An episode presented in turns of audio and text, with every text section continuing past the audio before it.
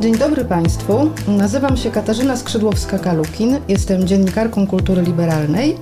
Witam Państwa w podcaście Kultury Liberalnej, wyprodukowanym we współpracy z Kancelarią Wardyński i Wspólnicy. A moją gościnią jest Joanna Krakowiak, prawniczka, która zajmuje się prawem żywnościowym i kieruje zespołem Life Science. Co to jest, Joanna? Tak, Kasiu, Life Sciences jest to specjalizacja, która zajmuje się produktami, które mają wpływ na nasze zdrowie. Przede wszystkim są to leki, ale również wyroby medyczne i żywność. I żywność. Żywność, którą się dzisiaj będziemy, proszę Państwa, zajmować. Wyrobami medycznymi też będziemy się zajmować później. Zaczniemy od żywności. A to dlatego, że zadałyśmy sobie takie pytanie z Joanną. Czy my mamy prawo, jako obywatele, do zdrowej żywności? I teraz muszę powiedzieć tak, że spotkało mnie małe zaskoczenie, bo wpisałam sobie do Google'a śmieciowe jedzenie przepisy. I wyskoczyło mi bardzo dużo przepisów na domowe fast foody. Natomiast nie wyskoczyło zbyt wiele na temat tego, jak prawo mnie chroni. A przecież Jedzenie bardzo wpływa na nasze zdrowie. Teraz mówi się dużo o tym, że bardzo wzrasta zachorowalność na raka jelita grubego. Już osoby w okolicach 30 roku życia chorują. Rak jelita grubego jest konsekwencją niezdrowego odżywiania, żywności nieprzetworzonej, cukru, tego, że się je za dużo cukru, więc ma wielkie e, znaczenie dla naszego zdrowia. I są również inne produkty, które mają ogromne znaczenie dla naszego zdrowia. Są to papierosy i alkohol na przykład. Papierosy nie można ich sprzedawać osobom poniżej 18 roku życia, nie można ich eksponować w sklepie, nie można ich reklamować. Alkohol również ma ograniczenia, również dorosłe osoby tylko mogą kupować. Niektóre gminy, nawet niektóre miasta decydują się na wprowadzenie prohibicji nocnej, aby ograniczyć spożycie alkoholu. Natomiast z tą żywnością mam wrażenie, jest e, nacisk na nią położony trochę mniejszy, chociaż jak już powiedziałam, ma takie ogromne znaczenie dla naszego zdrowia. Z tego co na razie wiem, jest tak, że prawo dba o nas w zakresie żywności, ale w takim powiedzmy ograniczonym zakresie. Tłuszcze trans. To chyba jest coś, co zostało przeforsowane i na co obowiązują jakieś limity. Tak, generalnie jeżeli chodzi o żywność, to my jako obywatele i każdy z nas mamy prawo do żywności, która jest bezpieczna. Bezpieczeństwo żywności jest rozumiane w ten sposób, że nie może szkodzić naszemu zdrowiu, jeżeli jest spożywana w określonych rozsądnych granicach.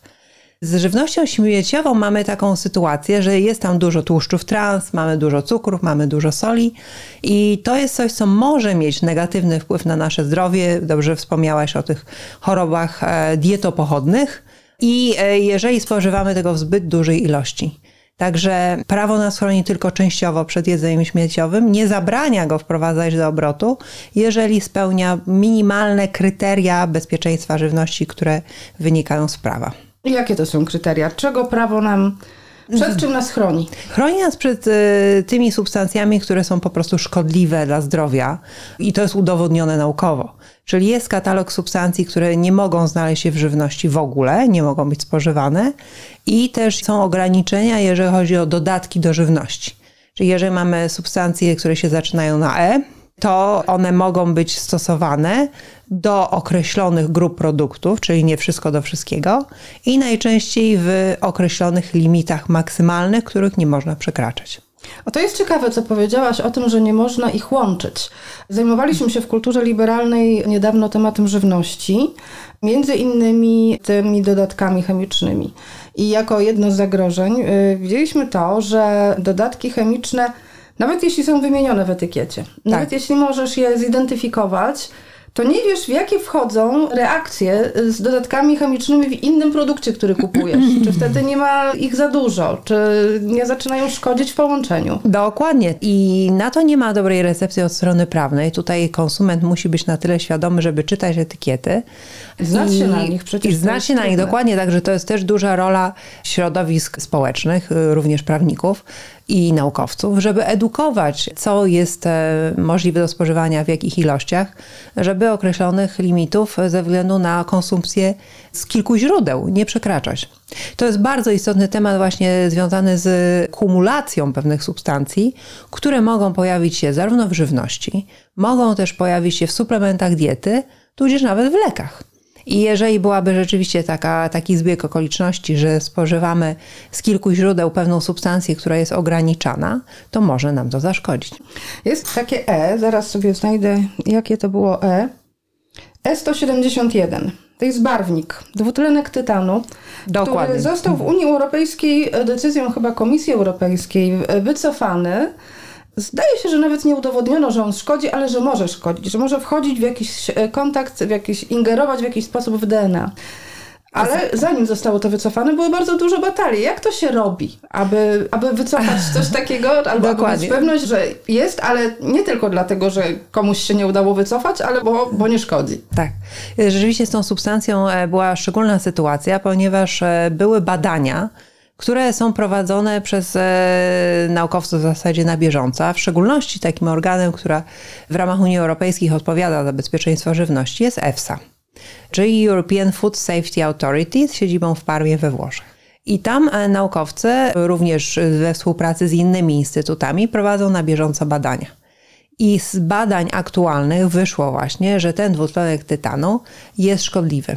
I to udowodniono z tak wysokim stopniem prawdopodobieństwa, że doprowadziło to do zakazu stosowania tego składnika w żywności, mimo że wcześniej był on dozwolony. Zrobiono to na płaszczyźnie europejskiej i oczywiście jest tak, że państwa członkowskie różnie reagują na takie zakazy. E, niektóre bardziej restrykcyjnie, niektóre mniej restrykcyjnie, ale jak najbardziej jest to substancja, której tak naprawdę już teraz nie powinniśmy spożywać. Czyli właśnie jak to jest, bo to jest ciekawe, co powiedziałaś o tym, że państwa różnie reagują. Tak. Czy państwa mogą się nie zastosować do dyrektywy? Jest to bardzo trudne, bo mamy przecież wolny handel unijny. Dokładnie. Przepływ towarów. I jak to jest, kiedy ktoś się nie zastosuje, a ktoś się stosuje? To najczęściej nie jest to tak biało-czarne. Najczęściej są pewne odcienie szarości, że państwo się stosuje, tylko na przykład w wersji mniej zdecydowanej prowadzi akcję informacyjną i zakazuje wprowadzania do obrotu na przyszłość takich produktów. A w wersji bardziej restrykcyjnej, która na przykład była we Francji, kończyło się to wycofaniem produktów z obrotu, ściąganiem mhm. produktów z rynku. Czyli państwa członkowskie mają pewną dozę swobody, jak daleko ingerować mhm. i w jaki sposób, jak dobierać środki. No ale to jest trudne, no bo to w takim razie przyjeżdża włoski produkt, który ma liberalniejsze wytyczne do Francji, i co, i Francuzi mówią nie? A gdzie Unia Europejska? No właśnie, swobodny rynek istnieje, ale są pewne wyjątki, które właśnie dotyczą takich ograniczeń, które są uzasadnione e, zdrowiem i życiem człowieka. I w takiej sytuacji, kiedy jest, e, są dowody naukowe i są już przyjęte akty prawne związane z wprowadzeniem zakazu używania takiej substancji, to takie ograniczenia są zasadne. Barwnik, o którym mówimy, to jest biały barwnik, który służył do produkcji słodyczy na przykład, tak. ale również leków i o który rzeczywiście trwała batalia. Oglądałam kiedyś film na ten temat w Arte TV, w którym pokazywano, że jeden mały barwniczek a zmusza na przykład do zmiany całej linii produkcyjnej Absolutnie tak, przykład, zgadza tak? się. Dla nas to jest jedna mała substancja, a dla przedsiębiorców, którzy go stosują w liniach produkcyjnych, zamiana jednego składnika na inny, po pierwsze opracowanie składu, który będzie analogiczny, jeżeli chodzi o efekt końcowy i pozyskanie dostawców takiego składnika, jest to bardzo wymagający proces, który i którym łączy się pewien czas, który jest niezbędny.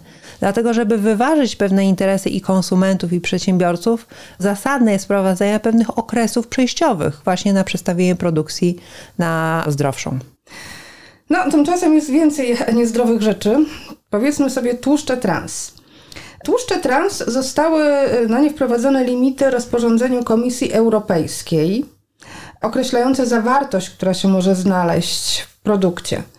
I tutaj być może to też jest tak, że w Polsce jest trochę inaczej niż gdzieś indziej, bo przeczytałam o tym, że w Polsce nie ma obowiązku umieszczenia na etykietach informacji o zawartości tłuszczów trans. Jest, y, jeżeli chodzi o tłuszcze. Y, mhm, tłuszcze, ale właśnie. Tak, tłuszcze też... trans. Mhm. Wiem o co chodzi. Generalnie, jeżeli chodzi o etykietowanie, to też poruszamy się na gruncie przepisów europejskich. Mamy rozporządzenie mm, podstawowe o informowaniu konsumentów o produktach y, żywnościowych, czyli rozporządzenie 1169 na 2011, które wyraźnie mówi, jakie są wymagania w zakresie etykietowania. I tam rzeczywiście jest wymóg, który dotyczy etykietowania tłuszczy, tłuszczy jako takich. I notabene to rozporządzenie, które naprawdę było kamieniem milowym, kiedy ono wchodziło w życie około 10 lat y, temu, będzie zmieniane i właśnie szykuje się już rewizja tych przepisów, które będzie szło w kilku kierunkach związanych właśnie z lepszym informowaniem konsumentów o tym, co jest zawarte w produkcie. Tylko informowaniem, bo jak to właściwie jest z wprowadzaniem limitów? Bo tak, niektóre rzeczy wprowadza Komisja Europejska, niektóre rzeczy prawo krajowe. I teraz popraw mnie, jeśli mówię źle, ale jak widzisz przepisy śmieciowe jedzenie, to, to głównie przepisy na hamburgera. E, cukier, są ograniczenia cukru w napojach na przykład słodzonych, prawda? Ale to nie wynika z limitów, tylko z podatku cukrowego. Dokładnie, także to jest mhm. zupełnie inny instrument y, ingerowania w rynek, tak? Także państwo może nakładać na przykład opłaty, na przykład podatki. To też jest dyskusyjne, na ile to się mieści w zakresie swobodnego przypływu towaru, bo pamiętajmy, że w Unii Europejskiej są zakazane wszelkie ograniczenia, które wpływają na ten swobodny przepływ towarów i mogą być to zarówno ograniczenia w postaci twardych zakazów, jak i innych instrumentów, na przykład podatkowych. Ale w tej sytuacji, jeżeli chodzi o właśnie podatek cukrowy, jest to coś, co nie obowiązuje w Polsce i też obowiązuje w innych krajach. Nie jesteśmy tu zupełnie odosobnieni. Dokładnie. Się, mhm. Tak, także są różne pomysły związane właśnie z opodatkowaniem wyższym tak zwanego jedzenia świeciowego i też prowadzenia pewnych warningów, czyli ostrzeżeń na etykietach. Natomiast ja znam osoby, które zajmują się dietetyką i które kupują dzieciom kole z cukrem, a nie kupują ze słodzikiem. No bo to tak naprawdę nauka też nie jest spójna, dlatego że słodziki też mają swoje, to są substancje chemiczne, które też mają swoje określone działanie, nad którym cały czas naukowcy pracują i on też nie jest doskonały, tak? Wszystko ma swoje wady i zalety. Ważne, żeby spożywać taką zbilansowaną dietę i zdroworozsądkowo nie przekraczać pewnych e, granic e, dozwolonych, tak? Mhm. Przez dietetyków. No, ale właśnie widzisz, no to to jest tak, że teraz musimy mieć jakieś podstawy z dietetyki. Musimy, to Nie chodzi cały czas o zaufanie do państwa i do, o zaufanie do prawa. Tak jak mamy na przykład piramidy finansowe, powiedzmy jak było Amber Gold. Bazowało na tym, że ludzie nie mieli dużej wiedzy na temat narzędzi finansowych. Tak samo ludzie nie muszą się przecież znać na jedzeniu, na tłuszczach trans, na limitach cukrów. Nie muszą, ale tak. to jest pytanie, na ile z kolei prawo ma ingerować i regulować. No właśnie, a chciałabyś, żeby to było wszystko zabronione, żeby to było mhm. tak potraktowane właśnie jak papierosy czy, czy alkohol. Tu właśnie jest pytanie, jakie środki są adekwatne.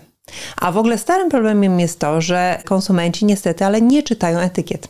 A tam zasadniczo jest wszystko napisane i należałoby poświęcić chwilę, żeby zapoznać się z tymi informacjami. I też właśnie ta rewizja rozporządzenia 1169 ma to też na celu, bo na etykietach, jak spojrzymy, tam jest bardzo dużo informacji. I być może ich jest za dużo, być może one nie są czytelne, może dlatego konsumenci nie czytają, ponieważ jest to trudne do zrozumienia, jest to mały druk, jest bardzo dużo informacji na małej przestrzeni. No i właśnie dlatego jest na przykład pomysł, żeby wyodrębnić tą informację o wartości odżywczej, jest e, cała teraz spórą wprowadzenie Nutri-Score. Jak kupujemy produkty, to widzimy takie kolory na przozie opakowania. Mhm. Tak, że może być A, B, C, D, czyli mhm. czerwony, pomarańczowy, żółty, jasno. Co to oznacza? To oznacza, jaki jest profil odżywczy danego produktu. Jaki jest najgorszy, żółty czy czerwony? Czerwony. Czerwony to tak? dokładnie tak? tak. Także to jest w ogóle bardzo istotne. Po to oczywiście są e, opracowane kryteria naukowe. Ale jak to bywa z kryteriami naukowymi, naukowcy nie mają zgody co do tego, jakie proporcje są właściwe, czyli w zależności od tego, jakie dane podkładamy pod, pod to ABCD, taki wynik może nam wyjść. I kryteria Nutri-Score, one mają właśnie się pojawić w tym e, długo oczekiwanej nowelizacji rozporządzenia 1169, ale publikacja nie nastąpiła, e, jest to opóźnienie już o pół roku. Dlatego, że kraje południowej Europy, na przykład Włochy czy Hiszpanii, powiedzieli: Nie, Nutri-Score jest szkodliwy dla diety śródziemnomorskiej. Czemu? Dlatego, że jeżeli jest tłuszcz, to od razu lądujemy w kategorii pomarańczowej lub e, czerwonej. A co z oliwą? Czerwona! I tak, a jeżeli mamy cukier, to okazuje się, że dla cukru te kryteria są dosyć łagodne i produkty słodzone oscylują wokół B, może C. Rzeczywiście dziwno, bo wydawałoby się, że sałata z oliwą jest jednak zdrowsza niż cukierki. Tak, także nie ma na to jednej tej odpowiedzi i jest spór na poziomie unijnym. Państwa członkowskie tak naprawdę cały czas szukają tutaj konsensusu. Duża też jest rola przedsiębiorców i związków przemysłowych, stowarzyszeń, ponieważ oczywiście Nutri-Score nie jest jedyną metodą tak? Czyli są również alternatywne metody informowania w pewien prosty, graficzny sposób o mhm. wartości odżywczej produktu. A Nutri-Score jest już prowadzony przez bardzo dużą ilość y, państw, rekomendowany przez sporą ilość państw i też niektóre koncerny żywnościowe to już stosują na swoich produktach na zasadzie dobrowolnej komunikacji z konsumentem. Na razie dobrowolnej, tak? I rozumiem, że to też nie, nie zawsze zależy wobec tego od tego, czy państwo to wprowadziło, ale zależy od tego, czy producent to wprowadził. Tak, tak? bo pamiętajmy, że jeżeli chodzi o to, co jest na etykiecie, to są dwie warstwy informacji. Pierwsza, że to są te obowiązkowe informacje, które muszą się znaleźć na każdej etykiecie. Przede wszystkim, prawda, jest to ten podmiot spożywczy, który wprowadza produkt na rynek, czyli do którego możemy mieć e, ewentualne roszczenia, e, składać reklamacje, jeżeli produkt nie spełnia oczekiwań, jeżeli produkt nie jest bezpieczny. Oczywiście informacje o składzie, informacje o alergenach, które muszą mhm. być też wytłuszczone i szereg innych informacji, które muszą po prostu tam być. Oprócz tego mamy warstwę marketingową, i tam możemy dodać takie informacje, które są informacjami dodatkowymi. Ale jeżeli chodzi o informację marketingową na żywności, ona absolutnie nie jest dowolna. Pamiętajmy, że mamy specjalne regulacje o oświadczeniach żywieniowych i zdrowotnych. Czyli jeżeli chcemy napisać na przykład obniżona zawartość soli, to musimy spełnić kryteria które są określone w przepisach europejskich. Jakie kryteria? Ilościowe, kryteria to ilościowe, ile tak. Może coś zawierać soli? Tak, tak, dokładnie. To znaczy mamy, wtedy porównujemy, ile jest soli w produkcie standardowym. Jeżeli my chcemy oświadczyć, że my mamy obniżoną zawartość soli, to musimy o określony procent mieć mniej tej soli w mhm. naszym produkcie. Tak, tak samo są oświadczenia na przykład źródło błonnika. Tak? To jest pozytywne z kolei. Czyli, że jeżeli my chcemy powiedzieć, że coś jest źródłem błonnika, źródłem witaminy C i tak dalej, to musi być określona zawartość tego składnika w produkcie. Także mhm. to są pewne kryteria, których spełnienie jest jednolite dla wszystkich przedsiębiorców Unii Europejskiej co buduje zaufanie mm, do produktów y, przez konsumentów, tak? Bo to jest hasło, które nie jest czystym hasłem reklamowym, tylko to jest coś, co rzeczywiście jest weryfikowalne. Jednak, jak sądzę, też wymaga pewnej podejrzliwości, bo jeżeli na jogurcie jest napisane źródło wapnia, a na etykiecie jest napisane, w jakiej ilości jest to źródło wapnia, to ja nie wiem, ile ja tego wapnia powinnam przyjmować dziennie. Przy wartości energetycznej jest napisane również y, ilość procentowa dziennego zapotrzebowania, dziennego spożycia. Aha, czyli ta etykieta jest w stanie rzeczywiście mnie wiarygodnie poinformować. Tak, bo ja zawsze podchodziłam bardzo sceptycznie. Do to dobrze, tego, to zawsze trzeba, oczywiście, zawsze trzeba podchodzić sceptycznie, jak najbardziej. Tu jest taka uważność, jest bardzo dobrą mhm. cechą, ale na pewno zachęcam do czytania etykiet, które jednak są konstruowane w oparciu o przepisy. Oczywiście bywają nadużycia na rynku i stosowne inspekcje badają tak zgodność etykiet z rzeczywistym składem produktu. Ale co do zasady są, są to kwestie, które są uregulowane i są przestrzegane przez przedsiębiorców. No to pocieszające. I też pamiętaj, Kasiu, żeby czytać informacje o dacie do spożycia. Nie wiem, czy zwracasz na to uwagę, bo mamy jakby dwie możliwości. Tylko tak? jak już mam to w domu. Tak, kupuję, dobrze. Nie. Tak, znaczy jak kupujesz, no to oczywiście to powinno być przed datą, tak? Czyli mhm. przedsiębiorca prowadzący sklep musi ściągnąć z półki produkt jeszcze tak naprawdę no najpóźniej w ostatnim dniu terminu. I termin jest y, sformułowany jest albo najlepiej spożyć do, albo należy spożyć do. I to jest bardzo niewielka różnica gramatyczna pomiędzy najlepiej a należy, tak? Bo jeżeli jest należy spożyć do, to naprawdę spożyj to do tego dnia, który jest napisany na etykiecie. No później niestety z produktem należałoby się rozstać, czyli go wyrzucić. To oczywiście powoduje marnowanie żywności, dlatego musimy kontrolować na stałe nasze zakupy i zawartość naszej lodówki. A jeżeli jest Najlepiej. Najlepiej, dokładnie. To jest to pewna rekomendacja, że rzeczywiście najlepiej jest spożyć do tej daty, ale jeżeli spożyjesz po tej dacie, wcale się nie zatrujesz. Mhm. To jest produkt, który nadal jest bezpieczny, na przykład mhm. ze strony mikrobiologicznej, ale no może jogurt no, zmienić, y, oddzielić się woda, czy mhm. ser nie, troszeczkę zmienić swój kolor. No nie będzie mhm. tak piękny i wspaniały, ale nadal będzie dla nas bezpieczny. Bardzo ciekawe, bo ja nawet nie miałam świadomości istnienia tej różnicy, znaczy, że coś y, może tak, być tak albo tak Istnieją badania, że naprawdę konsumenci nie rozumieją tego rozróżnienia podawania daty, tak? Mhm. I właśnie to albo też... nie zauważają po prostu. Tak, nie zwracają na to uwagi i, i to już jest projekt zaawansowany rozporządzenia unijnego, który właśnie ma wprowadzić tą zmianę w zakresie stosowania określeń co do terminu ważności. Czyli nie będzie już najlepiej, tylko będzie należy? Będzie jedno i drugie, tylko najlepiej najlepiej spożyć do i będzie dopisek, który wskazywał, że można również dłużej. Aha. Też no jest tak, w związku z tym też cenna jest. Cenna uwaga, zwłaszcza, że powstał ruch ekologiczny taki, aby nie przejmować się za bardzo datami ważności na opakowaniach, tylko sprawdzić po prostu, czy to jest dobre, w związku z tym, że marnuje się bardzo dużo żywności. Dokładnie. I to jest tak naprawdę cały temat związany z ochroną naszej planety i dbałością. Jest to bardzo duże wyzwanie i duża rola przemysłu spożywczego, żeby jak najszerzej włączać się w ten trend.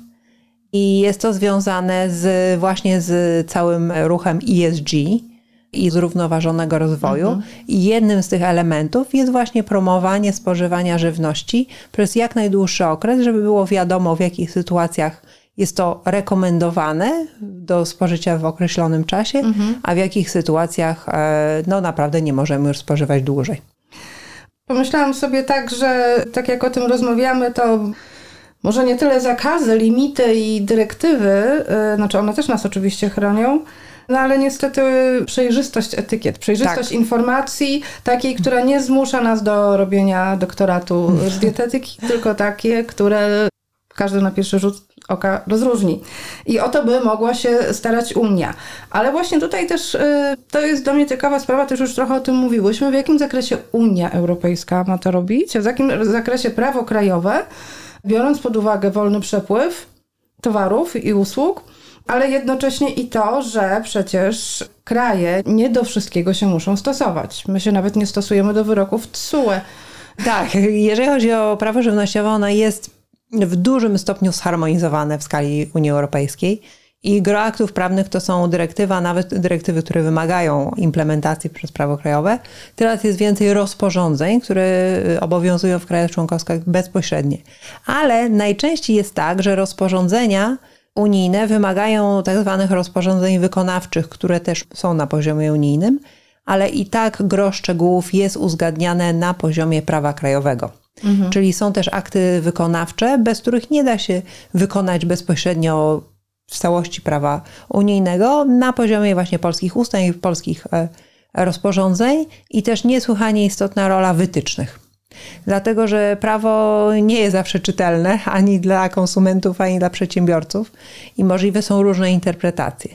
I żeby unikać tych różnych interpretacji, pewne instytucje, zarówno unijne, jak i polskie, wydają swoje wytyczne, i też e, związki przedsiębiorców mogą wydawać swoje, swoje postanowienia co do tego interpretacji przepisów.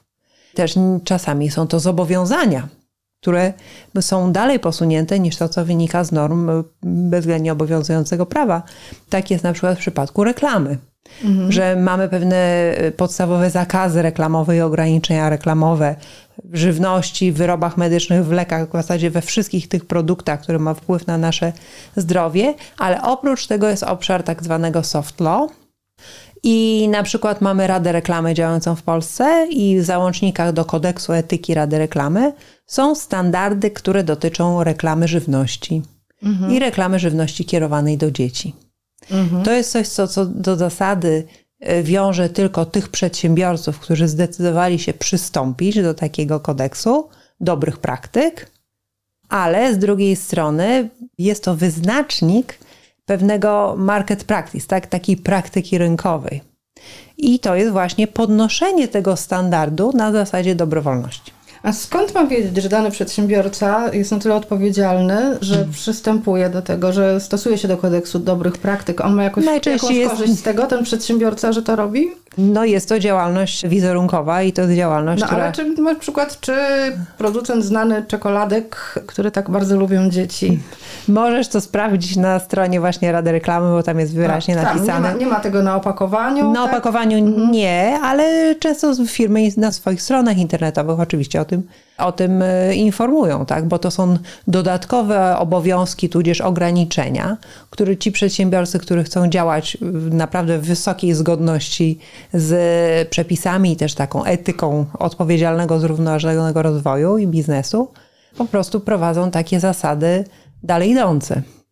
Mówimy o reklamie, to od razu przypomina mi się reklama, którą bardzo często słyszę w radiu o tym, że bardzo schudnę, jeżeli będę brała pewien specyfik, który jest zupełnie na co innego, a nie powiem na co, bo od razu będzie wiadomo, co to za reklama. I dużo takich innych reklam, które wróżą mi tak, to są piękne tak, życie. Tak, to są tak zwane slimming claims, mm -hmm. tak, czyli oświadczenia dotyczące utraty wagi. Także no to jest bardzo delikatna sprawa. Czy to jest One etyczne? Są... Czy to jest etyczne, że jeżeli to jest na pewien organ ciała wewnętrzny, specyfik, a jak to mówi reklama, przy okazji dodatkowy się efekt, dodatkowo tak. taki efekt, to czy to jest etyczne, no bo ludzie rzucą się kupować? E, jest to takie działanie na granicy, mhm. tak, bo tak naprawdę e, w ogóle jeżeli chodzi o reklamę suplementów diety, ona jest niesłychanie trudna.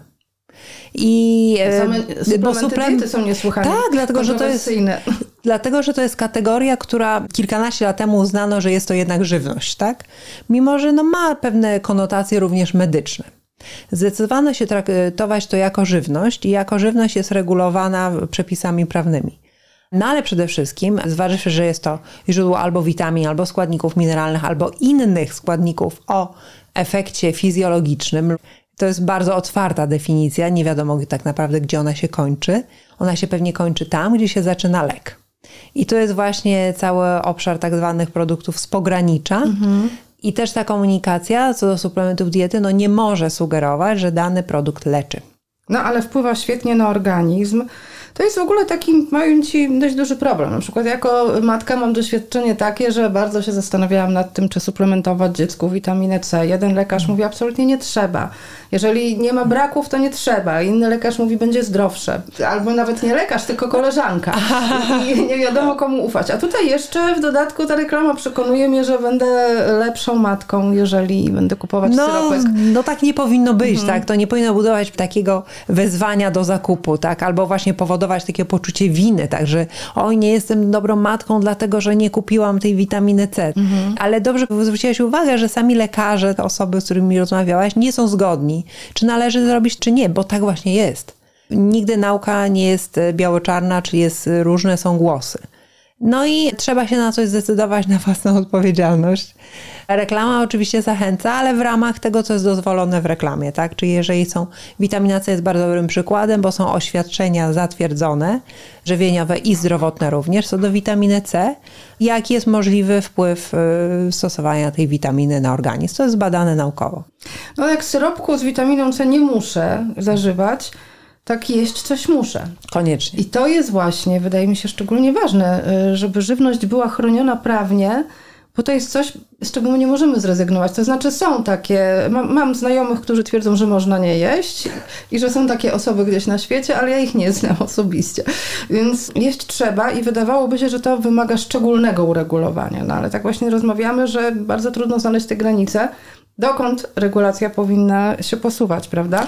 Dokąd się powinna posuwać i też istotne jest pytanie, jakie środki prawne są adekwatne do danej sytuacji, tak? Czyli jeżeli są pewne dowody naukowe, na ile one są mocne, na ile ta nauka jest rzeczywiście spójna i co w związku z tym robimy. Zakaz jest ostatecznością. Mogą być pewne ograniczenia w sprzedaży, co do miejsc sprzedaży, co do wieku konsumentów. Mogą być dodatkowe ostrzeżenia na produktach, że może wywoływać jakieś skutki. Ja osobiście niespecjalnie wierzę w moc takich ostrzeżeń, bo badania pokazują, że konsumenci często już nie zwracają uwagi na nadmiar takich warningów mhm. na produktach, aczkolwiek jest to stosowane przede wszystkim w lekach, teraz również w wyrobach medycznych. No i w niektórych państwach jest stosowane na alkoholu, u mhm. nas nie. U nas na papierosach. U nas na papierosach, oczywiście. No i też przy tej żywności niezdrowej, no to też e, bywa dyskusja, czy takie ostrzeżenia powinny być, jak one powinny przyjść. Ale tak jak mówię, ostrzeżenia nie są idealnym mechanizmem, w ogóle żaden z mechanizmów nie jest idealny, tak to w świecie bywa. Ja wierzę za to w moc e, sprawczą akcji edukacyjnych. Czyli Naprawdę? Myślisz, że one Myślę, odnoszą... że one odnoszą skutki, szczególnie jeżeli chodzi o dzieci. Moje dzieci przynoszą wiedzę ze szkoły, która pokazuje na to właśnie, jak zdrowo się odżywać, jak komponować posiłki. To są młode umysły, które są bardzo chłonne. I być może warto właśnie więcej ingerować w edukację konsumenta od najmłodszych lat, który później będzie świadomym konsumentem i będzie czytał etykiety, szukał informacji na stronach internetowych, konsultował się z specjalistami niż e, powodować zakazy, ponieważ zakaz powoduje naturalną chęć do jego obejścia albo złamania. Tak, te nawyki wyniesione z domu mają zdecydowanie pewnie duże znaczenie. Pamiętam kiedyś była taka historia Jamie Olivier, brytyjski kucharz, tak. celebryta kucharz, autor książek kucharskich i programów, spowodował to, że w szkołach brytyjskich zaczęto dzieci zdrowiej odżywiać. I był taki program, w którym były pokazane kraty do stołówki w oknach, w których rodzice podawali dzieciom hamburgery. Sami rodzice, no. Tak, się nie no właśnie, no właśnie. tych strasznych, zdrowych rzeczach od Jamie'ego Oliviera. Tak. Mm, to ma znaczenie. Ja sama mam też takie doświadczenie, że próbowałam dawać mojej małej córce do szkoły batony z dektyli, ale ona nie chciała ich jeść, bo wszyscy mieli batony ze sklepu z cukrem. Więc wychowując dzieci rozbijamy się o cudze praktyki. Dlatego chciałam zapytać, czy jednak ta regulacja która, jak mówisz, nie powinna być nadmierna i zgadzam się z Tobą, y, że tak powinno być, ale że ona natomiast nie powinna być bardzo surowa co do dzieci. Czy na przykład napoje energetyczne nie tak, powinny y, być napoje energetyczne jest taka, to jest taka kategoria, która powinna mieć pewne ograniczenie, że chodzi o wiek konsumentów, miejsca sprzedaży. Jest projekt nawet sejmie procedowany, który właśnie zmierza do wprowadzenia zakazu sprzedaży energetykom osobom poniżej 18 roku życia. Jest projekt. Jest tak? projekt, zobaczymy jakie będą losy. Ale generalnie jest to temat, który, który na pewno jest aktualny i wiele państw takie zakazy i ograniczenia wprowadza. Mhm. I też tak się zastanawiam, że trudno pewnie wytyczyć granice, który z tych produktów powinien mieć takie obostrzenia, że nie sprzedaje się go dzieciom. Ja bym najchętniej wprowadziła jeszcze chipsy, większość mm. batonów, jakichś bardzo farbowanych cukierków ale chyba jestem bez szans z takimi oczekiwaniami. No, takie jednoznaczne, całościowe zakazy, no to rzeczywiście byłaby bardzo drastyczna ingerencja. A propos barwników, to też wiele lat temu był taki raport co do kilku, czterech barwników, które mogły powodować, e, powodowały ryzyko ADHD. I wtedy zdecydowano się na obligatoryjne ostrzeżenia, że produkt, który zawiera taki składnik, czyli nie zabroniono ich, tak? Tylko mhm. nadal, głównie w galaretkach, jakichś deserach można było je nadal stosować, tylko było ostrzeżenie, że może powodować ADHD. Mhm. Także możesz sobie łatwo wyobrazić, co się stało na rynku. No takie produkty de facto zniknęły z rynku, no bo jednak takie ostrzeżenie jest y, mocno zniechęcające potencjalnych konsumentów. Zniknęło przynajmniej przy tych produktach, które są sprzedawane w sklepach nie zniknęło z tych miejsc żywienia zbiorowego, tak, no bo tam nie czytamy etykiet, nie mamy dostępu Właśnie, do tych etykiet. Ale, ale no też takie rozwiązania są możliwe. To mi od razu przypomina o tym, jaka to jest broń obosieczna i jak, jak potężna, bo przecież ostrzeżenia przed możliwością tego, że dziecko będzie miało autyzm, dotyczyły szczepionek. Potem to obalono, ale ludzie raz uwierzyli i tak już im zostało bardzo dużo. No właśnie i to jest też problem komunikacji i też bardzo istotna rola mediów, tak, że jeżeli są kwestie, które nie są do końca sprawdzone, to trzeba wyważyć y, kiedy i w jaki sposób o tym poinformować, żeby nie spowodować jednak paniki, bo takie y, informacje mogą się później nie potwierdzić. Mhm. To jak z każdą informacją. No, zwłaszcza teraz, kiedy jest tak duży trend do braku zaufania do medycyny konwencjonalnej do ufania różnym terapiom właśnie niekonwencjonalnym. To, to się głównie opiera na tym, że to jest szkodliwe, tak? Że to, I to trzeba właśnie, to jedzenie... Tak. I trzeba sobie zadać pytanie, dlaczego jest taki brak zaufania, tak? Mhm. Czy jednak nie mamy pewnego takiego kryzysu w medycynie, i y, ponieważ nauka dochodzi do pewnych granic, jeżeli chodzi o takie rozwiązania, pastylka dla każdego, tak? Czy jest choroba, jest proste rozwiązanie w postaci leku sprzedawanego masowo i każdemu pacjentowi pomoże. No, nauka pokazuje, że nie, tak? Że obecnie nauka już zna genom ludzki i tak naprawdę w wielu przypadkach działanie leku jest uzależnione od takich naszych indywidualnych cech Czyli być może czas na terapię już bardziej spersonalizowane. Mhm. Czas pokaże tak, że to jest pieśń mhm. przyszłości. To się dzieje w różnych krajach europejskich, a przede wszystkim na rynku amerykańskim. I to będzie też e, wprowadzane i innowacje są teraz bardzo w cenie, jeżeli chodzi o właśnie również ten rynek farmaceutyczny unijny. I też ustawodawca unijny chce stymulować innowacyjność rynku zdrowia europejskiego. Jest to kwestia właśnie inwestycji w badania, jest to kwestia medycyny opartej na analizie danych i zastosowania sztucznej inteligencji do prowadzenia terapii i ustalania takich spersonalizowanych terapii, w tym celu, żeby to leczenie było bardziej skuteczne i żeby na końcu dnia pacjenci również w Polsce mieli dostęp do nowoczesnych terapii, a nie musieli cofać się do e, tradycyjnych metod ze względu na brak zaufania. Oraz na brak pieniędzy. Tak. Bardzo Ci dziękuję. Dziękuję. Był to, przypomnę Państwu, podcast zrealizowany w ramach współpracy kultury liberalnej z Kancelarią Gwardyńskiej Wspólnicy, w którym pani Anna Krakowiak jest szefową zespołu Life Science. Dziękujemy bardzo. Zapraszamy na nasze kolejne podcasty. Dziękuję.